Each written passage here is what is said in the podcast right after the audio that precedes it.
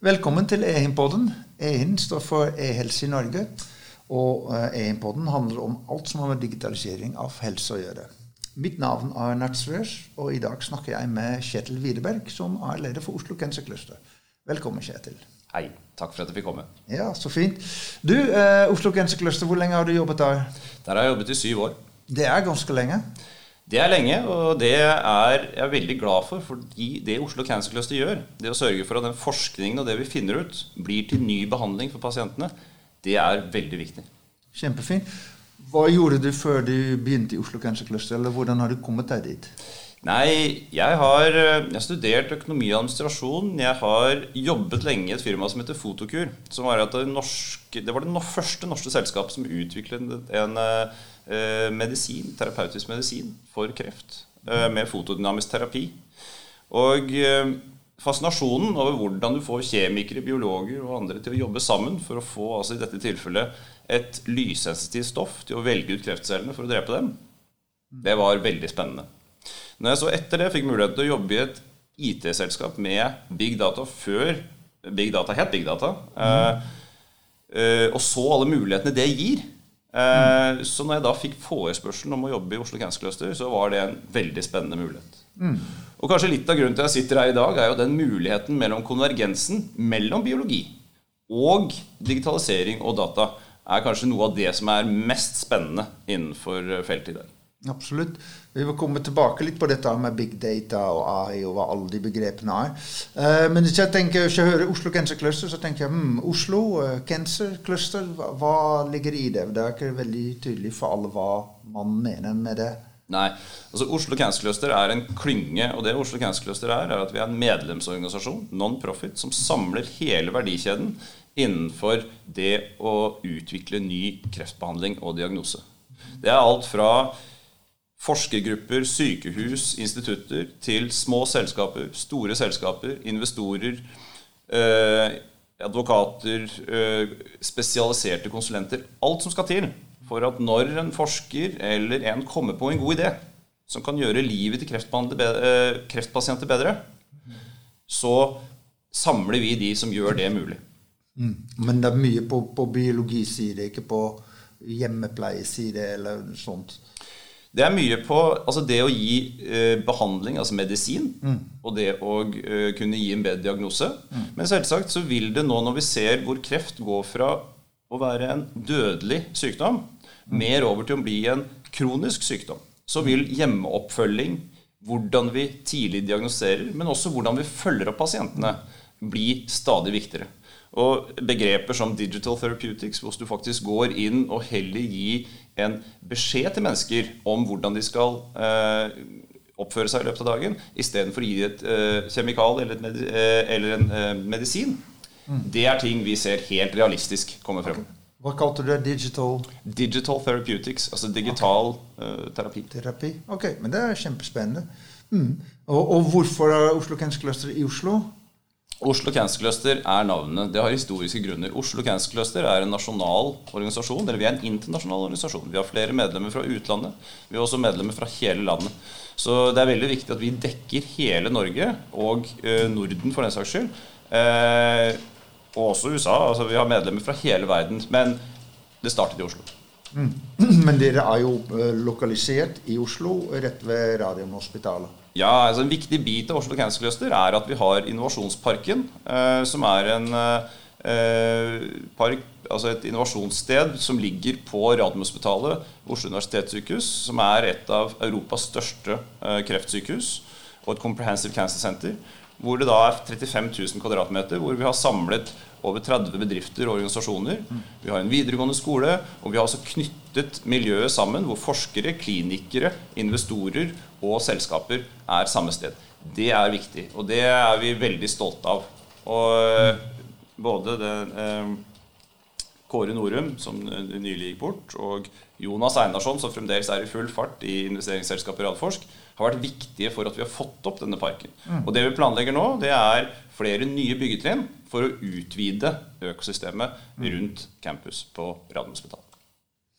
Ja, Det er jo ingen tvil om at kreft er en ganske stygg sykdom. I Norge er det vel rundt 35 000 som hvert år får diagnostisert med en eller annen kreftform. Hvis jeg husker riktig, er det ca. 11 000 som dør av kreft. Så det er en ganske omfattende, seriøs sykdom.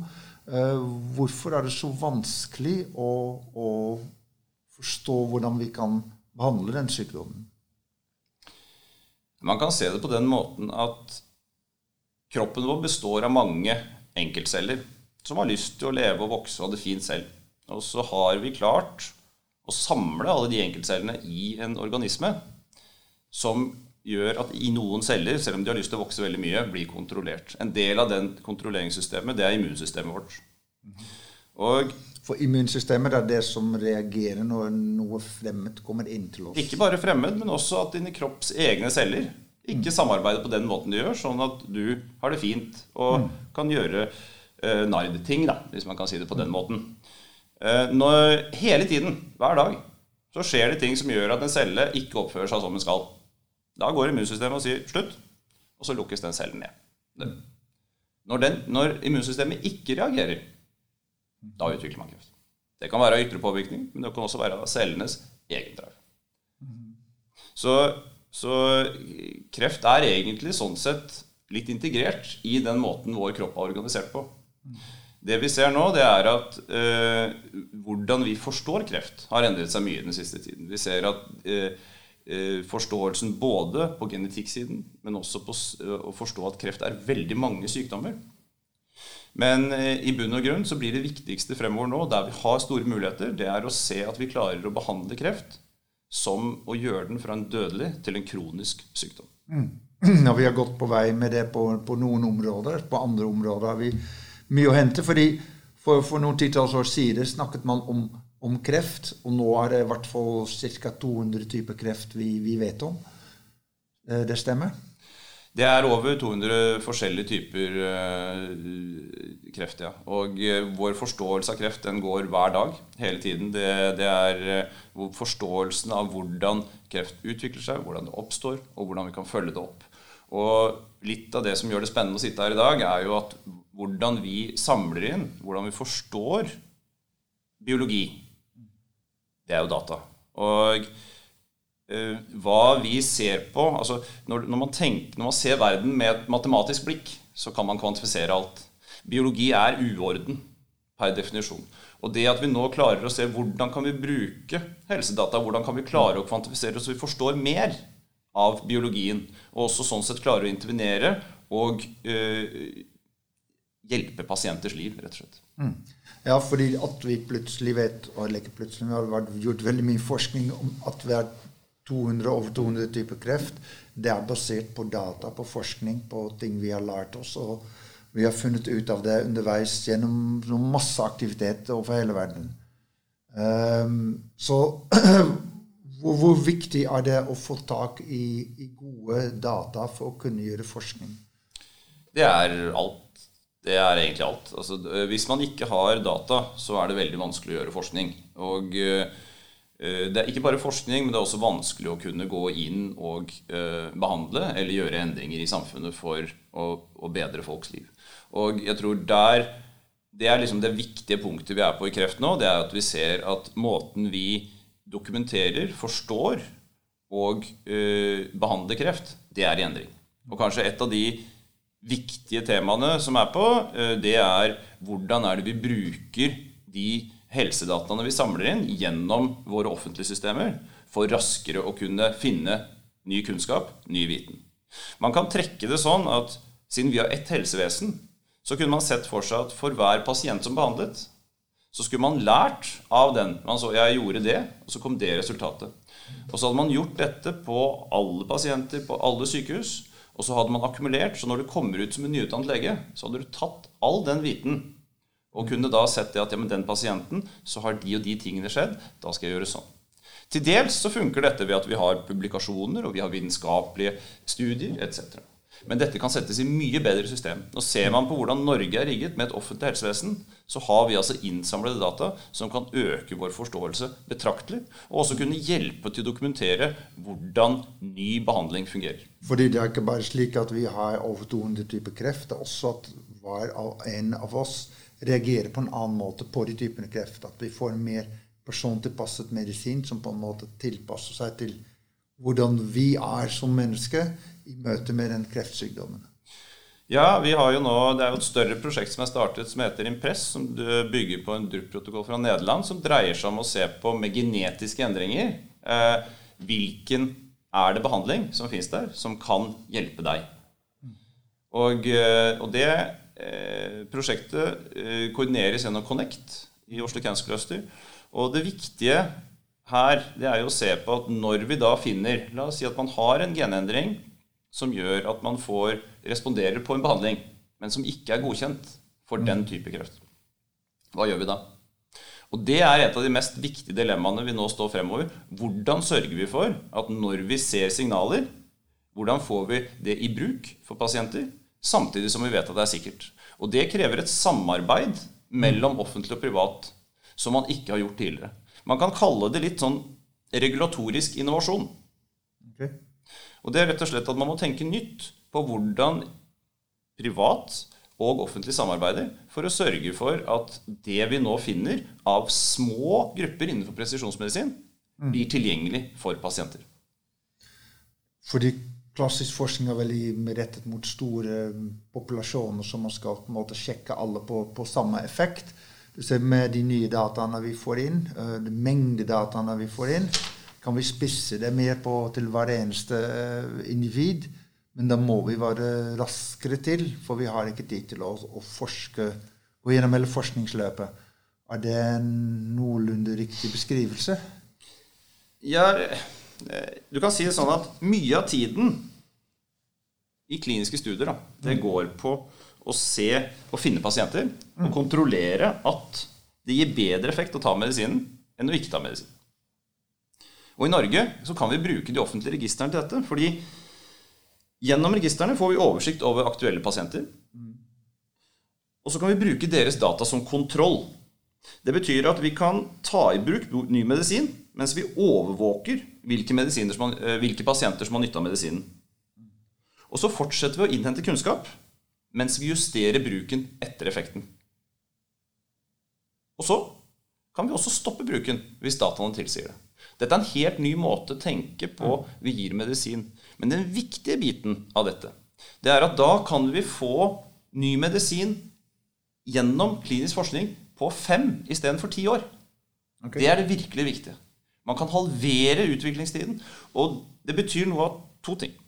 Eller flere ting, men en av dem er at du får medisin raskere til pasientene. Men den andre biten er jo at for Norge som land så vil vi kunne bidra til med våre registre at innovasjon skjer raskere. Og tenk hva det betyr for Norges pasienter, men tenk også hva det betyr for å bygge en helsenæring i Norge. Mm.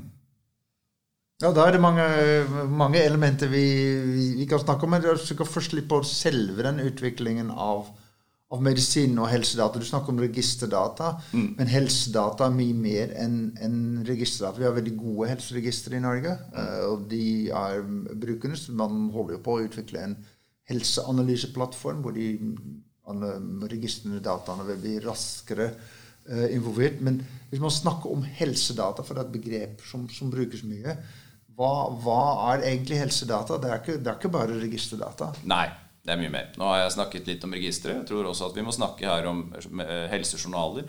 Og vi samler også opp en rekke data selv. Eh, Helsedata er, kan man også se på hva er definisjonen. Altså Når du har en app på telefonen, samler den nå sine helsedata. Men eh, for enkelhets skyld så tror jeg at det vi kan se på som helsedata, som jeg nevnte nå, det er det som, som samles inn av det offentlige. Eh, jeg tror det du har helt rett i, det er at helsedatafeltet er stort. Og jeg tror vi må se på en kombinasjon av private data, altså pasientinnsamlede data, og det vi har både i registeret og i helsejournaler. Det er den kombinasjonen som gjør at vi virkelig kan eh, gi bedre både behandling mm. og oppfølging. Ja. Og noe av den store revolusjonen som skjer nå, det er at vi ser at uh, selskaper farmaselskaper skjønner dette. De kjøper opp digitale selskaper løpende, for de ser at jeg må både ha bedre diagnose, og jeg må kunne følge pasientene bedre. Og hvis jeg klarer å få informasjon for pasientene, f.eks. som er et klinisk studie jeg gjør, så kan jeg gjøre det klinisk studiet både raskere og billigere. Så insentivet her for industrien nå til å digitalisere er stort. Og det er i og for seg veldig positivt. Det som har kommet opp som en debatt, det er jo ja, hva gjør Norge, da? Når vi har samlet opp dette gullet i 75 år i våre registre, og vi har lange historiske kontroller på hele befolkningen, og så skal disse store globale selskapene komme oss og stjele alt gullet vårt. Det er det mange som er redd for. Det, det er et interessant uh, utgangspunkt.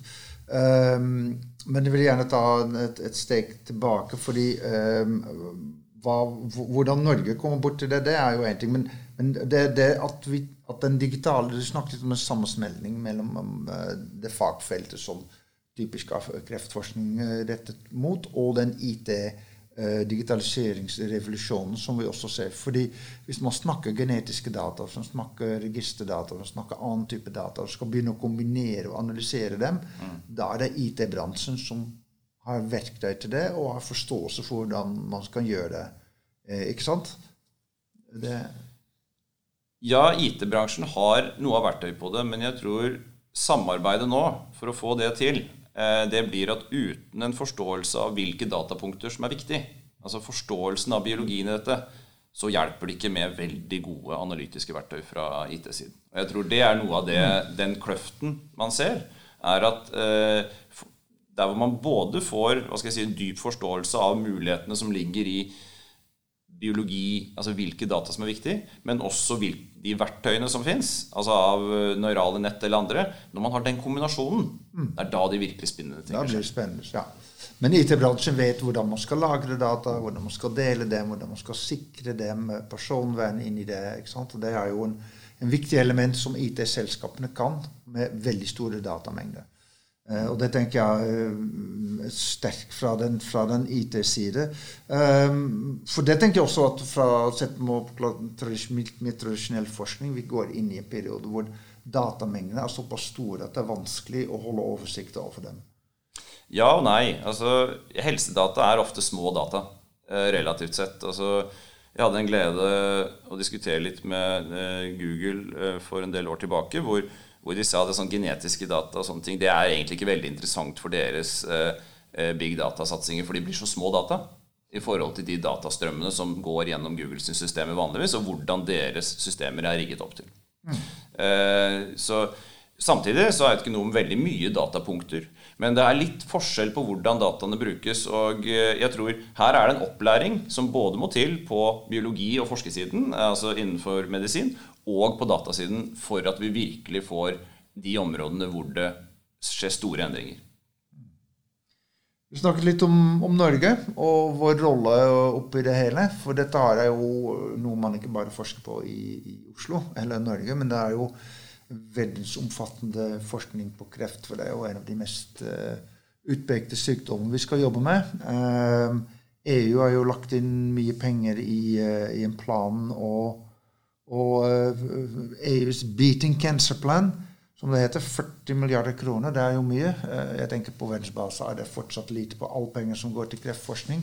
Men hvordan kan Norge en, en, en, spille en rolle innenfor disse rammene? Nei, Norge kan uh, bidra inn i Cancer Mission, som nå EU har satt opp med, og EU Beating Cancer Plan, med å sørge for at vi kan redusere behandlingen fra ti til fem år. Altså klinisk utvikling. Det er den virkelig store bidraget Norge kan gjøre. Vi har eh, biobanker, vi har sterke forskningsmiljøer innenfor cellebiologi eh, og celleterapi og eh, immunonkologi. Det er selvsagt at vi skal bygge opp de miljøene når vi kommer inn i en sånn plan. Men der hvor Norge virkelig kan skille seg, kanskje sammen med de andre nordiske landene, det er hvordan vi kan bruke våre offentlige helsedata til raskere å utvikle ny behandling. For når EU går inn, så er det sånn at ja, de skal dyrke frem gode miljøer. Vi skal, vi skal um, jobbe oss frem for å øke forståelsen. Men det er klart, vi må også gjøre noe som virkelig endrer spillereglene. Og det er å se på hvordan er det vi utvikler ny behandling. Men, men, men hvor, hva, hva, kan Norge gjøre? Hvor, hvor viktig er de helseregistre og andre data? Er det uh, måte, for Hvis jeg tenker hvis hele EU forsker på det, ok, da begynner Norge Ja, altså akkurat dette med å EU har prøvd. USA har prøvd å gjøre uh, utvikling raskere. Utfordringen er at de har ikke dataene. Så for å kunne følge opp en pasient, for å kunne bruke eh, dataene som er gitt i en kontrollgruppe, for å kunne følge opp pasienten etter behandling er gitt, så har ikke USA og mange land i Europa vil ikke ha de eh, registrene eller de prosedyrene for å kunne gjøre det på riktig måte. Det har Norge. Det er jo en viktig rolle vi kan ha. Eh, men samtidig skriver du jo i du skriver, har hatt noen kronikker i Morgenbladet skriver at vi Norge risikerer å komme i bakleksa og sakker ut i forhold til den utviklingen. Så hva, hva, er det du mener må til for at vi virkelig får utnytte på, på de dataene vi har? Nei, altså Det som skjer nå, det er jo at uh, når det er såpass mye penger som kommer inn på både Missions og andre satsinger i EU, så vil jo EU-landene se hvordan posisjonerer de seg.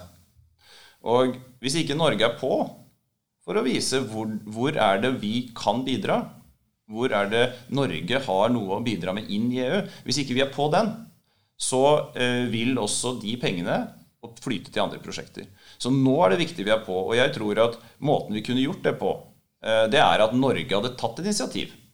Uavhengig av EU har sagt at nå skal vi ta på dette, som gjør at vi får oppmerksomhet inn i EU og nettopp får gjort det. Fordi Norge er jo et land som er veldig frem på digitalisering. Vi har jo en regjering som snakker mye om det. Vi har fått perspektivmelding som på en måte sier at vi skal jobbe med innovasjon, men likevel sier du vi, har, vi satser ikke nok på dette feltet for å, å, henge med i de utviklingene. Nei, det er litt som jeg prøver å påpeke også i kronikken. altså Vi må samles om et felles mål. Og Hvis et felles mål hadde vært at vi halverer klinisk utviklingstid på eh, utvikling av ny kreftbehandling, så hadde vi hatt et mål som styrer vår innsats, og som vi også kunne solgt inn rett og slett, til EU. For jeg tror det må til. Vi må ikke være mindre naive enn det. Det er store krefter i spill. Mm. Og Så snakker du også om dette med, med helsenæringen, at det utvikler også en, en, en, næring i Norge som vi kan, vi kan leve av og, og, og gjøre noe med. Det er klart at Utvikling av medisin er et, eh, noe som gjøres av private selskaper. Så når man gjør dette, så vil det være privat kapital og private selskaper som går inn med interesser. Men det er jo nettopp den måten å tenke regulatorisk innovasjon som er viktig å få eh, nytenkt, hvor Norge kan ligge helt i verdensfront. Og du kan nesten si det sånn at siden vi har denne sitsen, så har vi nesten en forpliktelse. Altså vi har, vi har muligheter andre land har ikke, eh, som, at, som, andre land ikke har til å gjøre dette. Og, eh, og det som eh, er viktig, det er at når redselen i Norge. For ofte kan det være en redsel for at utenlandske globale selskaper mm. skal både stikke av med verdien, kanskje kunne uh, finne data som, uh, som, som, er plagsomme for meg som individ. Mm. Hvordan håndterer vi det? Og jeg tror at det er eh, et aspekt hvor vi må se på at Hvis du setter det på spissen, så kan du si at frykten for at våre helsedata skal bli brukt for å personalisere annonser eller gjøre at noen tjener penger på det internasjonalt, den, den, er veldig overdrevet. Sånn det er nå, så har vi kommet altså, i en situasjon hvor det er så vanskelig og tar så lang tid å få tak i norske helsedata at kliniske studier går ned. Helseanalyseplattformen veit ikke hvordan de skal bygge noen modell, for de vet ikke om noen vil bruke den i det hele tatt. Altså, mm. dette er, Vi er kommet helt på andre siden. Vi beskytter oss så mye, mye at det ikke skjer noe. Det blir omtrent som å være så redd for å bli overkjøpt av bussen at du ikke går ut om morgenen. Ja, det er en interessant sammenligning. Men, eh, men, likevel eh, vi, jo, eh, vi, jobber jo med en del ting med, med helseanalyseplattform og, og, og, andre ting. Men det er jo en Vi har jo sett med, med pandemien og, og, de tiltakene som måtte til der, å sette opp helse mot, mot personlig frihet og, bruk av, av samfunnsverktøy i forhold til overvåking og bruk av en smitteapp som skal da vite hvor du har vært, og med hvem de har vært i kontakt med. At gjennom den digitaliseringen dukker det opp også nye spørsmål rundt hvordan man skal håndtere personvern og sikkerhet av de individer som legger inn sine Ja, det, det, er, data kjempe, det er kjempeviktig. kjempeviktig. Det er det ingen tvil om. Men jeg tror at det vi må gjøre da, er å istedenfor å avvente oss til at Google og Facebook har funnet et system som gagner deres infrastruktur, så må vi gå foran og si at sånn ønsker vi å ha det. Og jeg tror at der Istedenfor da inaktivt å tenke på at ja, men vi gjør ikke noe før det er løst. Altså Vi dytter egentlig over problemet til andre. Og jeg, eh, sånn som nå, så har vi gått sammen med eh, Smartcare-clusteret og Norway Healthtech og Oslo Cancer Cluster. Og så har vi dannet en helsekatapult. Ja. Og det vi, grunnen til vi har gjort dette, er at vi ser behovet for å ta i bruk Hva gjør vi med de innovasjonene som går på medisinsk teknologi, på kreft, på eh, oppfølging hjemme? Hvordan er det vi aktivt kan teste og utvikle disse? Og satsingen der, den må ikke være passiv. Eh, Du snakker om eh, katapult. Hva, hva legger man i det begrepet? Nei, det er jo et senter hvor vi kan teste og skalere opp løsninger. Og eh, spesielt når vi snakker om denne kombinasjonen av oppfølging, nye devices og kreftbehandling, så ser vi behovet for en, en, en, et slikt test- og utviklingssenter. Og dette er noe Siva har eh, jobbet med, men som jeg tror blir viktig nå for politikerne å ta tak i og eh, støtte videre. Og det er jo eh, et godt år å snakke om det, fordi vi er i et valgår. Eh, og da er spørsmålet er dette noe de politiske partier tenker på, og hvilken av dem? Og er det noen som er interessert i dette området? Jeg kan jo ikke svare hva politikerne eh, tenker, men, eh, men jeg opplever jo at eh, det er flere politiske partier som forstår viktigheten av helse og av helsenæring og samarbeidet. Og jeg tror at eh, det både det med å se på hva gjør Norge i forhold til Cancer Mission, altså, eller kall det Kreftmission på norsk. Altså, hva gjør vi der? Det, er, det, det håper jeg blir en sak fremover i valgkampen. Og hva må til? Hva som helt konkret må til for at en ny regjering Vi får høyst sannsynlig, eller nesten sikkert, en ny helseminister. Uh, muligens også en ny regjering. Hva, skal, hva er ditt budskap til den nye helseministeren? Norge må Når det gjelder uh, Cancer Mission, så må Norge gjøre en strategisk satsing for å ta del i EUs program. Sørge for å bringe EU-penger hjem, men også hjelpe og bidra til bedring for norske kreftpasienter. Ok, Tror du at du i løpet av ditt liv vil se en kreftfri verden? Nei. Kreft vil være der. Men jeg tror at eh, vi vil kunne få kreft fra, til å gå fra en dødelig til en kronisk sykdom. Type diabetes eller andre Ja, altså en, en sykdom du, du, du dør med, ikke av. Ok, tusen takk skal du ha. Takk for at du var med oss i dag, Kjetil. Tusen takk, Ned.